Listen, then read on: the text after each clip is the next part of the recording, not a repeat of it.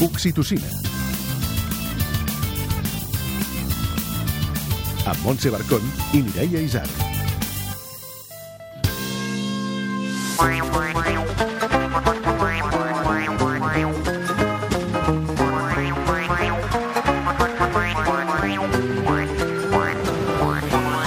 Director i dramaturg Sergi Balbel ens explicarà avui com viu la paternitat ara que els seus fills ja passen dels 20 anys. déu nhi Sí. La infermera pediàtrica Susana Curto ens donarà els millors consells per posar a dormir les criatures. Com ha de ser el matalàs i el coixí? Realment ens fa falta el coixí? Ai, no sé. Quin tipus de bressol recomana? I si optem per dormir amb ells, què? Quines prevencions hem de tenir? Tindrem també el Macone i en Xavi Cazorla, la recomanació cultural de la Laia Falcón de la revista El Culturista. I un conte d'un minut de la Montmas. Tot això i més a... L'oxitocina!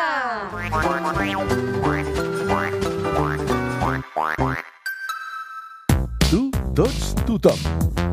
Soc Sergi Belbel, sóc autor, director de teatre i sóc pare de família. Tinc dos fills ja grandets, de 26 i de 20 anys. Què no t'esperaves de la paternitat? De la paternitat no m'esperava que fos tan intensa i no m'esperava que fos tan amical. És a dir, que un pare pogués considerar-se amic dels seus fills. Explica'ns una anècdota. El naixement del meu primer fill, de l'Artur, que mm, la meva dona va néixer, va, el va tenir per cesàrea, i llavors ens van separar. Això, això no estava previst, no? És com, ah, no! I llavors el vaig veure arribar, que els emboliquen amb aquell paper de, de com que sembla paper albal, i jo pensava, sembla un bocata de xoriço, perquè em van dir, aquí té el seu fill, no? I llavors va ser mirar-lo i tenia els ulls blaus, i vam pensar, vaig pensar, no, no és meu, s'han traspapelat, no? Manual d'instruccions.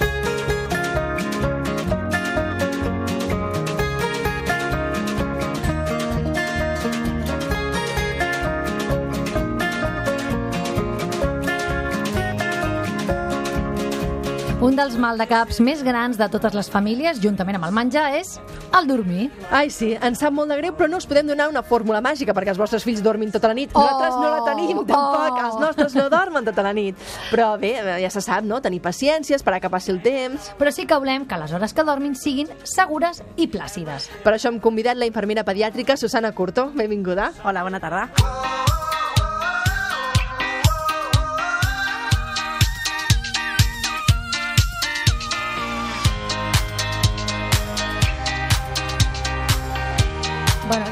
Jo, ho provo, eh? Susana, Susana, Susana. Digues, digues. No podem fer res perquè els nostres fills dormin tota la nit, oi? No s'hi val allò dels biberons plens de cereals i històries d'aquestes. No, oi? No, Val. ni una cosa ni l'altra, ni vives ni cereals. De fet, quan naixem tots sabem dormir, tots. Una altra cosa és que els nens dormin en els moments que els adults volem que dormin. Eh? Que va. Totalment. Però sí que és veritat que tots els nens i els adults ens despertem diverses vegades durant la nit. Però només és els, en els moments eh, que dominem la tècnica per tornar a agafar la son és quan dormim tota la nit. Ah. Per tant, és un tema de, de, bueno, de, de, de, de el nen madura... D'aprenentatge, no? Sí, hi ha processos que es van madurant i amb aquests processos d'aprenentatge entra el dormir. Que ja ho farà, vaja. I, I si amb 3, 4, 5 anys encara es desperten, no passa res. No passa res. Nosaltres sí que ens passa, A però al nen no li passa res, no? no? Sí. Vale, vale, doncs partint d'aquí, provarem que dormin de la mateixa, més, de la manera més saludable possible. Ens posem en el supòsit que s'opta pel collit, no? el colecho, que diuen quins consells podries donar-nos? Perquè hi ha molta gent que, que té por no? que el nadó s'ofegui. Diu, no, no, jo no me'l vull posar al llit perquè... Quina por. Mm -hmm. Bueno, jo sóc una fan del collit, vull dir, mm, el defensaré sempre, perquè penso que és una, una manera molt agradable de que el nen s'adormi una altra vegada quan es desperta, quan té aquests despertars que hem parlat abans, no? Uh, el nen sentir la calor dels, de la mare o del pare mm, torna a agafar la son d'una manera molt agradable. Uh, sí que és veritat que, bueno, jo he mirat alguns estudis que, hi ha, que, bueno, que n'hi ha moltíssims, hi ha, hi ha estudis que els... Que, el- bueno, la major, jo no he trobat realment estudis que, que diguin Que no- que se'l carreguin totalment.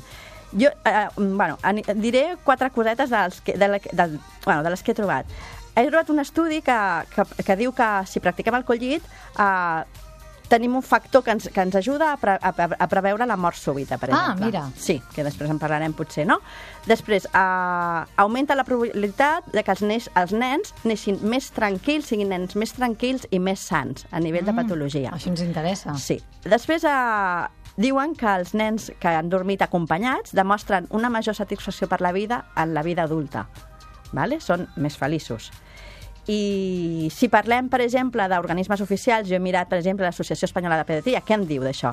Doncs no es pronuncia obertament sobre el tema, es limita a dir que, bueno, que practicar el collit és una qüestió, no és una qüestió mèdica, sinó una qüestió personal, uh -huh. cultural, i que aposta per la llibertat de- d'elecció. Bueno, Per Però tant, què hauríem de fer per això que diu la Montse, no? De, de Sí. li puc fer mal, quines són les mesures o, bàsiques o el de seguretat? nòrdic, no? Allò en plan, home, no el tapis Sí. amb el nòrdic. Bueno, jo, uh, jo, jo diria que són vari... algunes situacions que no es tindrien que utilitzar, per exemple, si la mare, per exemple, fuma, per exemple, és fumadora, uh, la, els, els pares estan en una situació, per exemple, que, que hagin begut, uh, els, els que uh, prenen alguna, algun tipus de drogues, gent que pren medicació per dormir, llavors entren en una son massa profunda, o estan molt cansats, per exemple, o quan, per exemple, el llit, la superfície on, on dorm, el, el, el, dormen els pares són massa toves, o són matalassos d'aigua, o sofàs, uh -huh. però en si, en realitat, no hi ha cap situació que diguis mm, desaconsella desaconsellem el, el, el, el dormir al nen.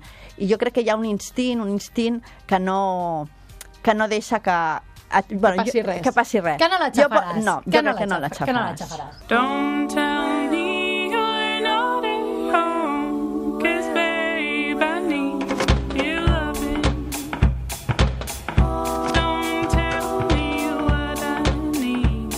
I si optem pel bressol, com ha, com ha de ser? Tant d'estructura com, com el matalàs? Uh -huh. Com ha de ser aquest bressol? Mira, a mi m'agradaria que féssiu una reflexió. Jo, jo me, la, me la vaig fer quan vaig tindre les meves nenes i jo m'hi vaig imaginar dormir en un llit amb uns barrots tan alts com el sostre. Mm. D'acord? I, I vaig dir, ostres, compres bressol o no compres? Doncs jo vaig optar per la, per la postura de no comprar bressol. Vull dir, el bressol és algo que, bueno, que sí, que hi és i que, que existeix i que té els seus usos, però a mi eh, em dóna la sensació que fer dormir amb un nen en una situació així, no?, amb aquests barrots, a vegades mm, li, no li ajuda a dormir. Passar d'un bueno, de- d'un bressolet petit, que no té barrots, que és El petitet. No, diguem-ne? A veure's amb aquella estructura que, que només que mirant al voltant, per dalt, per baix, per dalt, és tot plena de barrots.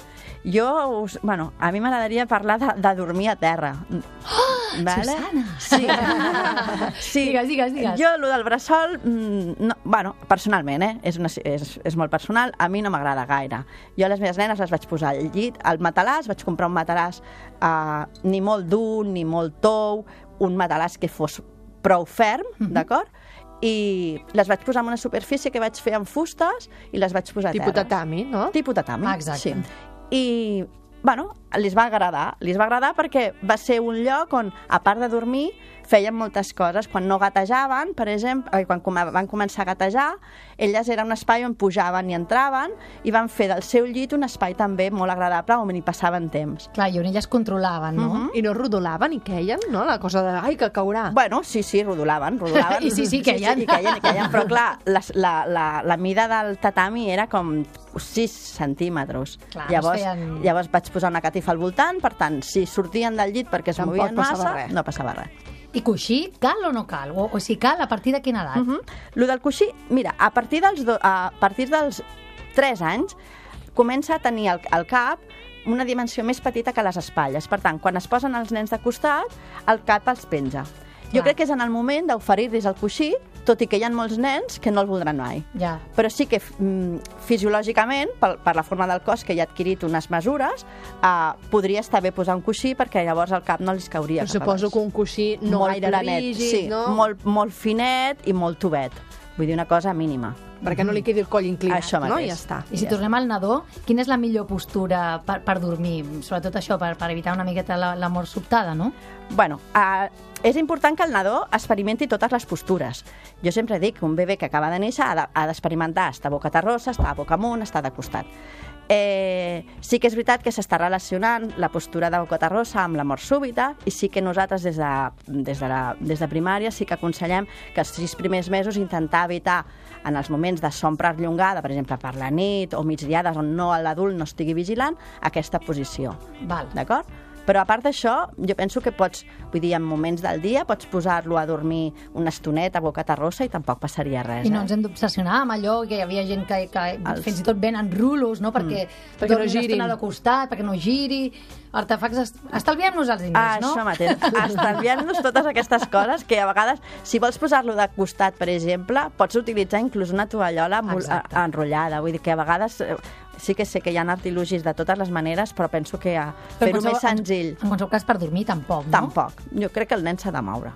Where we're playing by the river and climbing trees with friends. I can't remember all the scariness. Pictures of family secrets. I'm glad I'm not involved in. Posem-nos en el cas de que ja s'han fet més grans. Què, què ens recomanes? Que siguin els seus llits, matalassos... El, o sigui, un nen que ja és més gran, parlem potser de 6, de... Bueno, uh Mhm. -huh. què ens recomanes a l'habitació? Bueno, el, eh, si parles del matalàs, el mateix una mica que quan, quan comences a posar un, llit, ai, un, un matalàs amb un bressol. El matalàs ha de ser ni molt dur, ni molt tou. Eh, jo, eh, bueno, i- ara hi ha molts, no? El viscoelàstic, Sí, els espumes, el, les, no sé què. Antial·lèrgics. Antial·lèrgics. Hi ha el típic fotó, per exemple, que és el fotó que utilitzen els japonesos, que és cotó 100%, que és biodegradable, que també no hi ha molta oferta perquè són en llocs molt, molt, molt especialitzats, però que també hi podem pensar Mhm. que són matalassos de cotó 100% i són biodegradables i al, bueno, al final I no pel fan- medi no fan ambient... pols, eh? No- No, no- fan pols, no fan ah, pols. aquesta és una bona opció que no Així que, contemplàvem, bueno, eh? I jo penso que, bueno, opcions n'hi ha moltes, però sí que el, el que sí que diria seria el de la fermesa, de tenir una bona fermesa, pensar que els matalassos també tenen un temps de duració que s'ha de també contemplar i ja està, i res més pel que fa... Molt bé, no ens posarem a recomanar en edats de quan deixar el collín i el braçó ni passar-lo a l'altra habitació, això cada cas i cada família que ho faci, faci com cregui. el que pugui. Exacte, el que vulgui. Però sí que volem uns consells generals per tothom, no? Com, no sé, per exemple, invento un, per tenir un, un bon hàbitat, no? Un bon ambient a l'hora de- d'anar a dormir. Què ens recomanaries, Sí, Susana? mira, és molt important que l'habitació on dormi el nen sigui una habitació eh, que, que hagi estat ventilada, tot i que sigui l'hivern. Cada dia, eh? Cada, Cada dia ventilar s'han d'obrir les finestres i que, i que corri l'aire. Després, la temperatura no ha de ser de molta calor.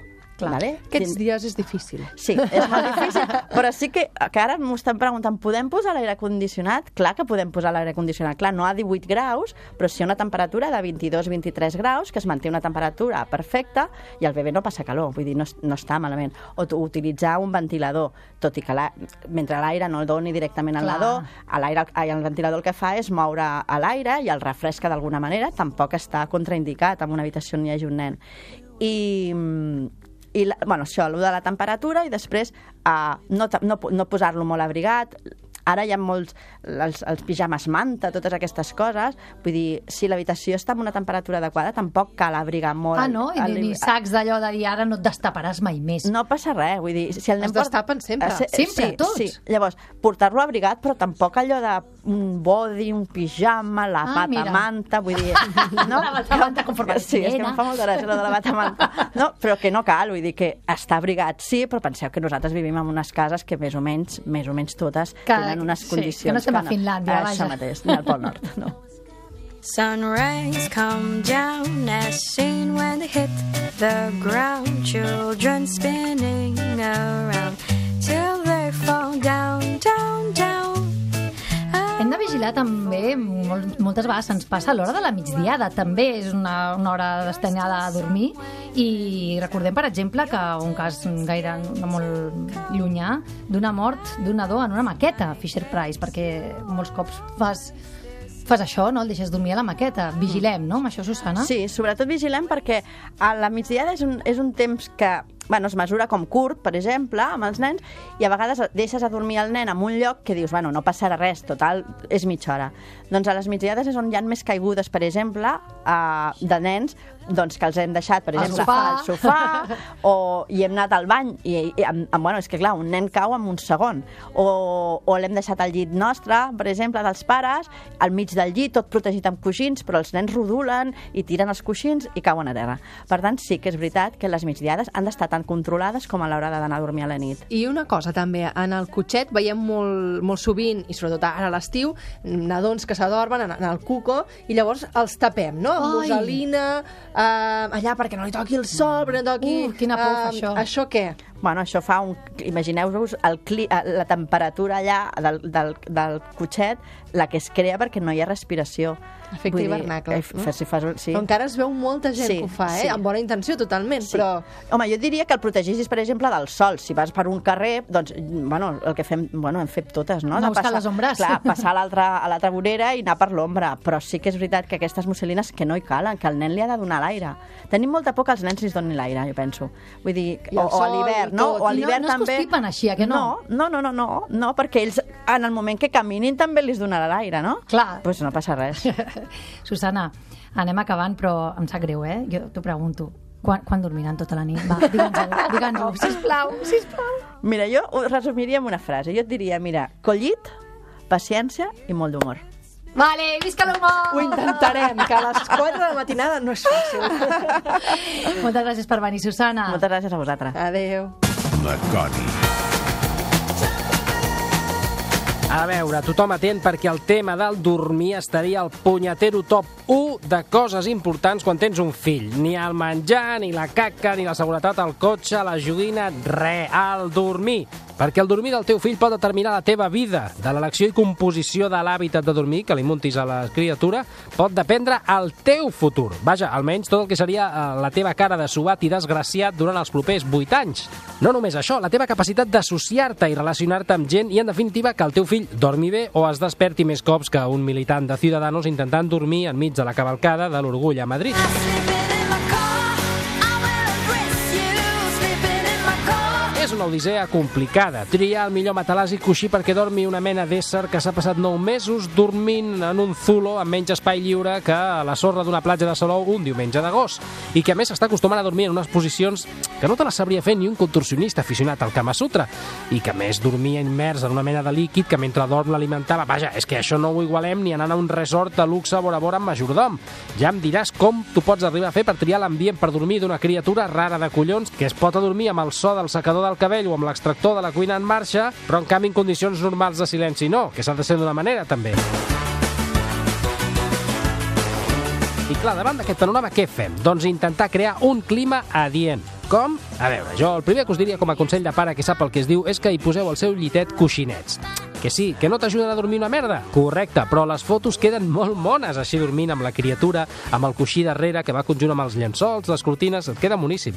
Sobretot els coixins, a veure, eh, per la criatura quan siguin més grandets, que estiguin crescudets, perquè de petits allò pot arribar a ofegar un nen. I perquè tampoc caldria que posem una criatura de dos mesos a dormir amb un coixí sota el cap, que pobre pot agafar-nos una tortícolis, que vaja, és que el tindreu de per vida com la justícia espanyola, enfocat cap a la dreta. Baby El problema de veritat és que per moltes coses que feu dubto molt que influeixi en el que realment dormen els vostres fills.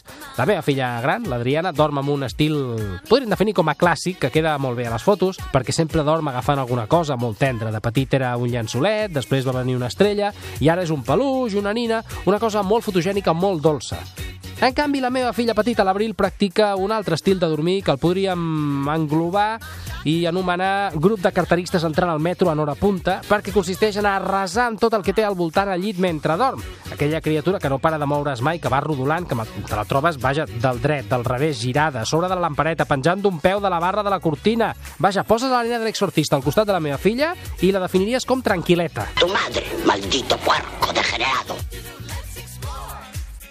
El dormir, però, és que també és curiós, perquè a mi em passa que vaig tota la nit dormint sentint cops de cap de les meves filles contra les baranes de fusta del seu llit i no es desperten. Ara, després, un inapreciable to dient a la teva dona les nenes dormen i si aprofitem per... Pam! Ja les tens allà, les dues despertes observant-te com un guàrdia civil en un referèndum a Catalunya.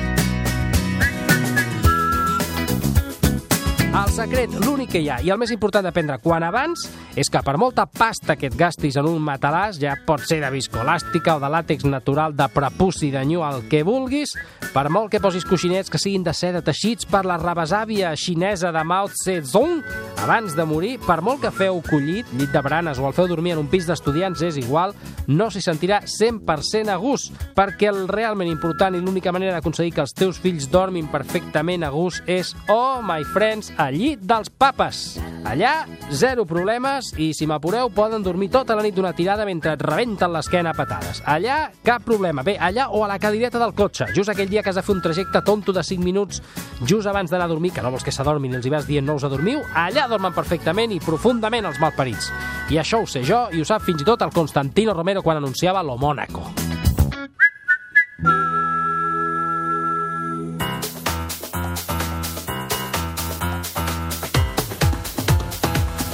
Culturista. Ja tenim aquí movent el cap, les espatlles, la Laia Falcón del Culturista, com estàs? Hola, què tal? Va, què ens portes avui? Avui, companyia de dansa i teatre amb més de 30 anys d'experiència. És la Roseland Musical. Oh!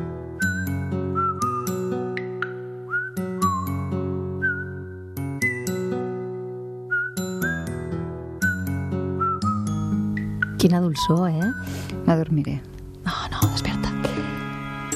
Com deia, és una companyia de dansa i teatre amb més de 30 anys d'experiència dedicada a tots els públics, però amb un interès especial d'apropar la dansa i el teatre al públic familiar. És molt coneguda, amb llarga trajectòria, sempre ha apostat per crear nous formats i fer experiments i la majoria de les vegades el resultat estat molt positiu. Durant tots aquests anys, a la companyia s'ha dedicat tant a crear espectacles propis com fer altres direccions artístiques a grans esdeveniments, com per exemple la Cavalcada de Barcelona. Mm. Per tant, avui us, és una companyia tot el contrari del que he anat eh, portant als altres programes, no? És zero petit format, eh, tot el contrari, produccions bastant més grosses, eh, ambicioses en el sentit de escenografia, potser, més que, que, el, que el contingut. I els últims anys, per exemple, ha apostat molt per la creació audiovisual i han fet propostes molt interessants explic, eh, aplicant el mapping, el 3D, eh, dues d'aquestes, de fet les dues que s'han dedicat a fons amb, amb la creació visual ha estat Viatge al centre de terra al segle XXI i el, una versió del Pinocho. Ah. Les dues, la veritat és que molt boniques. De fet, jo penso que un dels reptes del mapping, en l'aportació del mapping en, en el tema sonoral, diguem, i, i de teatre i de dansa, és que tingui sentit i que aporti alguna cosa essencial a l'espectacle, perquè moltes vegades és podria ser Mira, com prou. si no, exacte, o que hi pot ser o no i no afecta en res a- al conjunt de l'obra. I en aquest cas no. O sigui, realment han suposat un nou llenguatge escènic. El que fan eh, implica una participació de l'espectador i, i està molt present en, en l'espectacle i com es desenvolupa l'espectacle. I els dos espectacles conviuen perfectament amb dansa, música i llavors les projeccions 3D. El viatge al centre de terra al segle XXI s'inspira en l'obra original de ciència-ficció. En aquí són dues germanes, l'Eva i l'Ava, que decideixen seguir les passes d'un avantpassat seu i se'n van a Islàndia, on troben un personatge que és en Hans, que els conduirà... Això també ho faria jo ràpidament, eh? Sí, a Islàndia. Un viatge cap al centre del planeta i l'interessant és que van descobrint éssers i paisatges increïbles i tot el que queda eh, de la nostra cultura que la humanitat va deixant enrere, no? O sigui, aquest Mm, és un viatge... Sí. I en el cas del Pinocho, que també és una versió molt bonica, això amb, amb mapping 3D, ens endinsem el, durant una hora eh, en el mític eh, personatge creat pel cèlebre Gepetto, però aquesta versió, el Pinocho està construït de llaunes, diares i altres elements reciclats. I tot això ballant i amb música i dir, tot, tot ben conjugat, no? Fa aquestes, aquestes adaptacions clàssiques combinats amb molt llenguatge i llenguatge cinematogràfic també fa que et transportin al públic infantil molt ràpid i també l'adult a una història actual i fins i tot de la nostra vida quotidiana i aconsegueixen un molt bon equilibri jo crec amb la part d'innovació que no sempre és fàcil No, complicadíssima en públic familiar, Exacte. El movi- i adult, eh? No? També, també, ja, però ja no hi entrem. el moviment, la coreografia, la música i la narració. I això és el que els fa més diguem que les seves apostes de- d'innovació no deixen enrere la resta de qualitat i que tots els equilibris funcionin. Mhm. O sigui, si podeu, aneu a veure alguna de les seves El seguirem de prop, no? Remenem la seva pàgina web i així ens informem sí. de pròximes dates. Exacte. Ho farem així, Laia. Moltes gràcies. De res, a que vagi vosaltres. bé.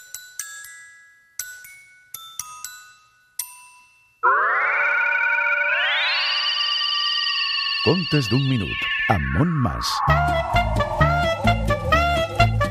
Un dia de primavera, a dalt de tot de la muntanya va néixer un arbre.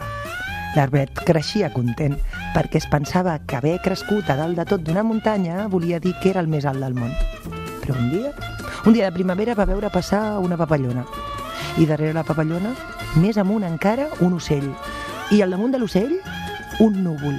I després el vent fins i tot el va veure. I l'arbre, l'arbre estava trist, tan trist que va començar a plorar. Va intentar saltar, eh? Però ja sabeu que els arbres no salten.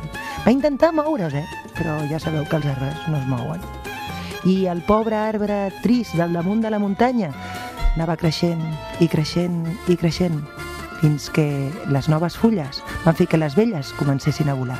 Va ser llavors quan l'arbre les va mirar i va veure que ell, encara que no es mogués, les seves fulles podien volar allà on ell no podia arribar. L'arbre que volia volar, Mercè Canals. I ara, com sempre, un missatge des de l'Ofici d'Educar. Aquesta setmana a l'Ofici d'Educar hem conegut el Congrés de Petits Científics, en el que hi han participat 60 centres de tot el país, 4.000 alumnes en total des que va començar. La mestra de secundària Rosa Vela, que coordina els congressos, ens explica quina ha estat la llavor d'aquest Congrés de Petits Científics. Ai, la llavor dels congressos és que treballem per la totalitat de les nenes i nens i joves del nostre país. La llavor és aquesta, que, que sigui és igual la matèria, que interrelacionem les matèries, però que els nens i nenes els tinguem amb la seva totalitat. O sigui, amb el seu ser més el seu estar, amb les seves potencialitats, amb la seva família, amb les seves condicions però tenen tots dret de tirar molt endavant i donar-los un ensenyament molt proactiu. I com es pot fer això? Pues coneixent-los molt. No només dir, no, aquest nen fa molt bé els deures i aprova, no, no, és molt educat. No, hi ha coses de funcionalitat d'aprenentatge que són molt més intenses i que les hem de conèixer.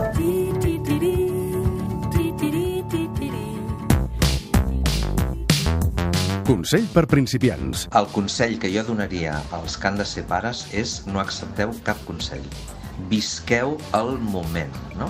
No us deixeu influir per el que us diguin, perquè tot serà sempre en funció d'una cosa subjectiva. No serà mai en funció d'una llei. No hi ha lleis a l'hora de ser pare o mare. Hi ha vivència. Per tant, no escolteu cap consell.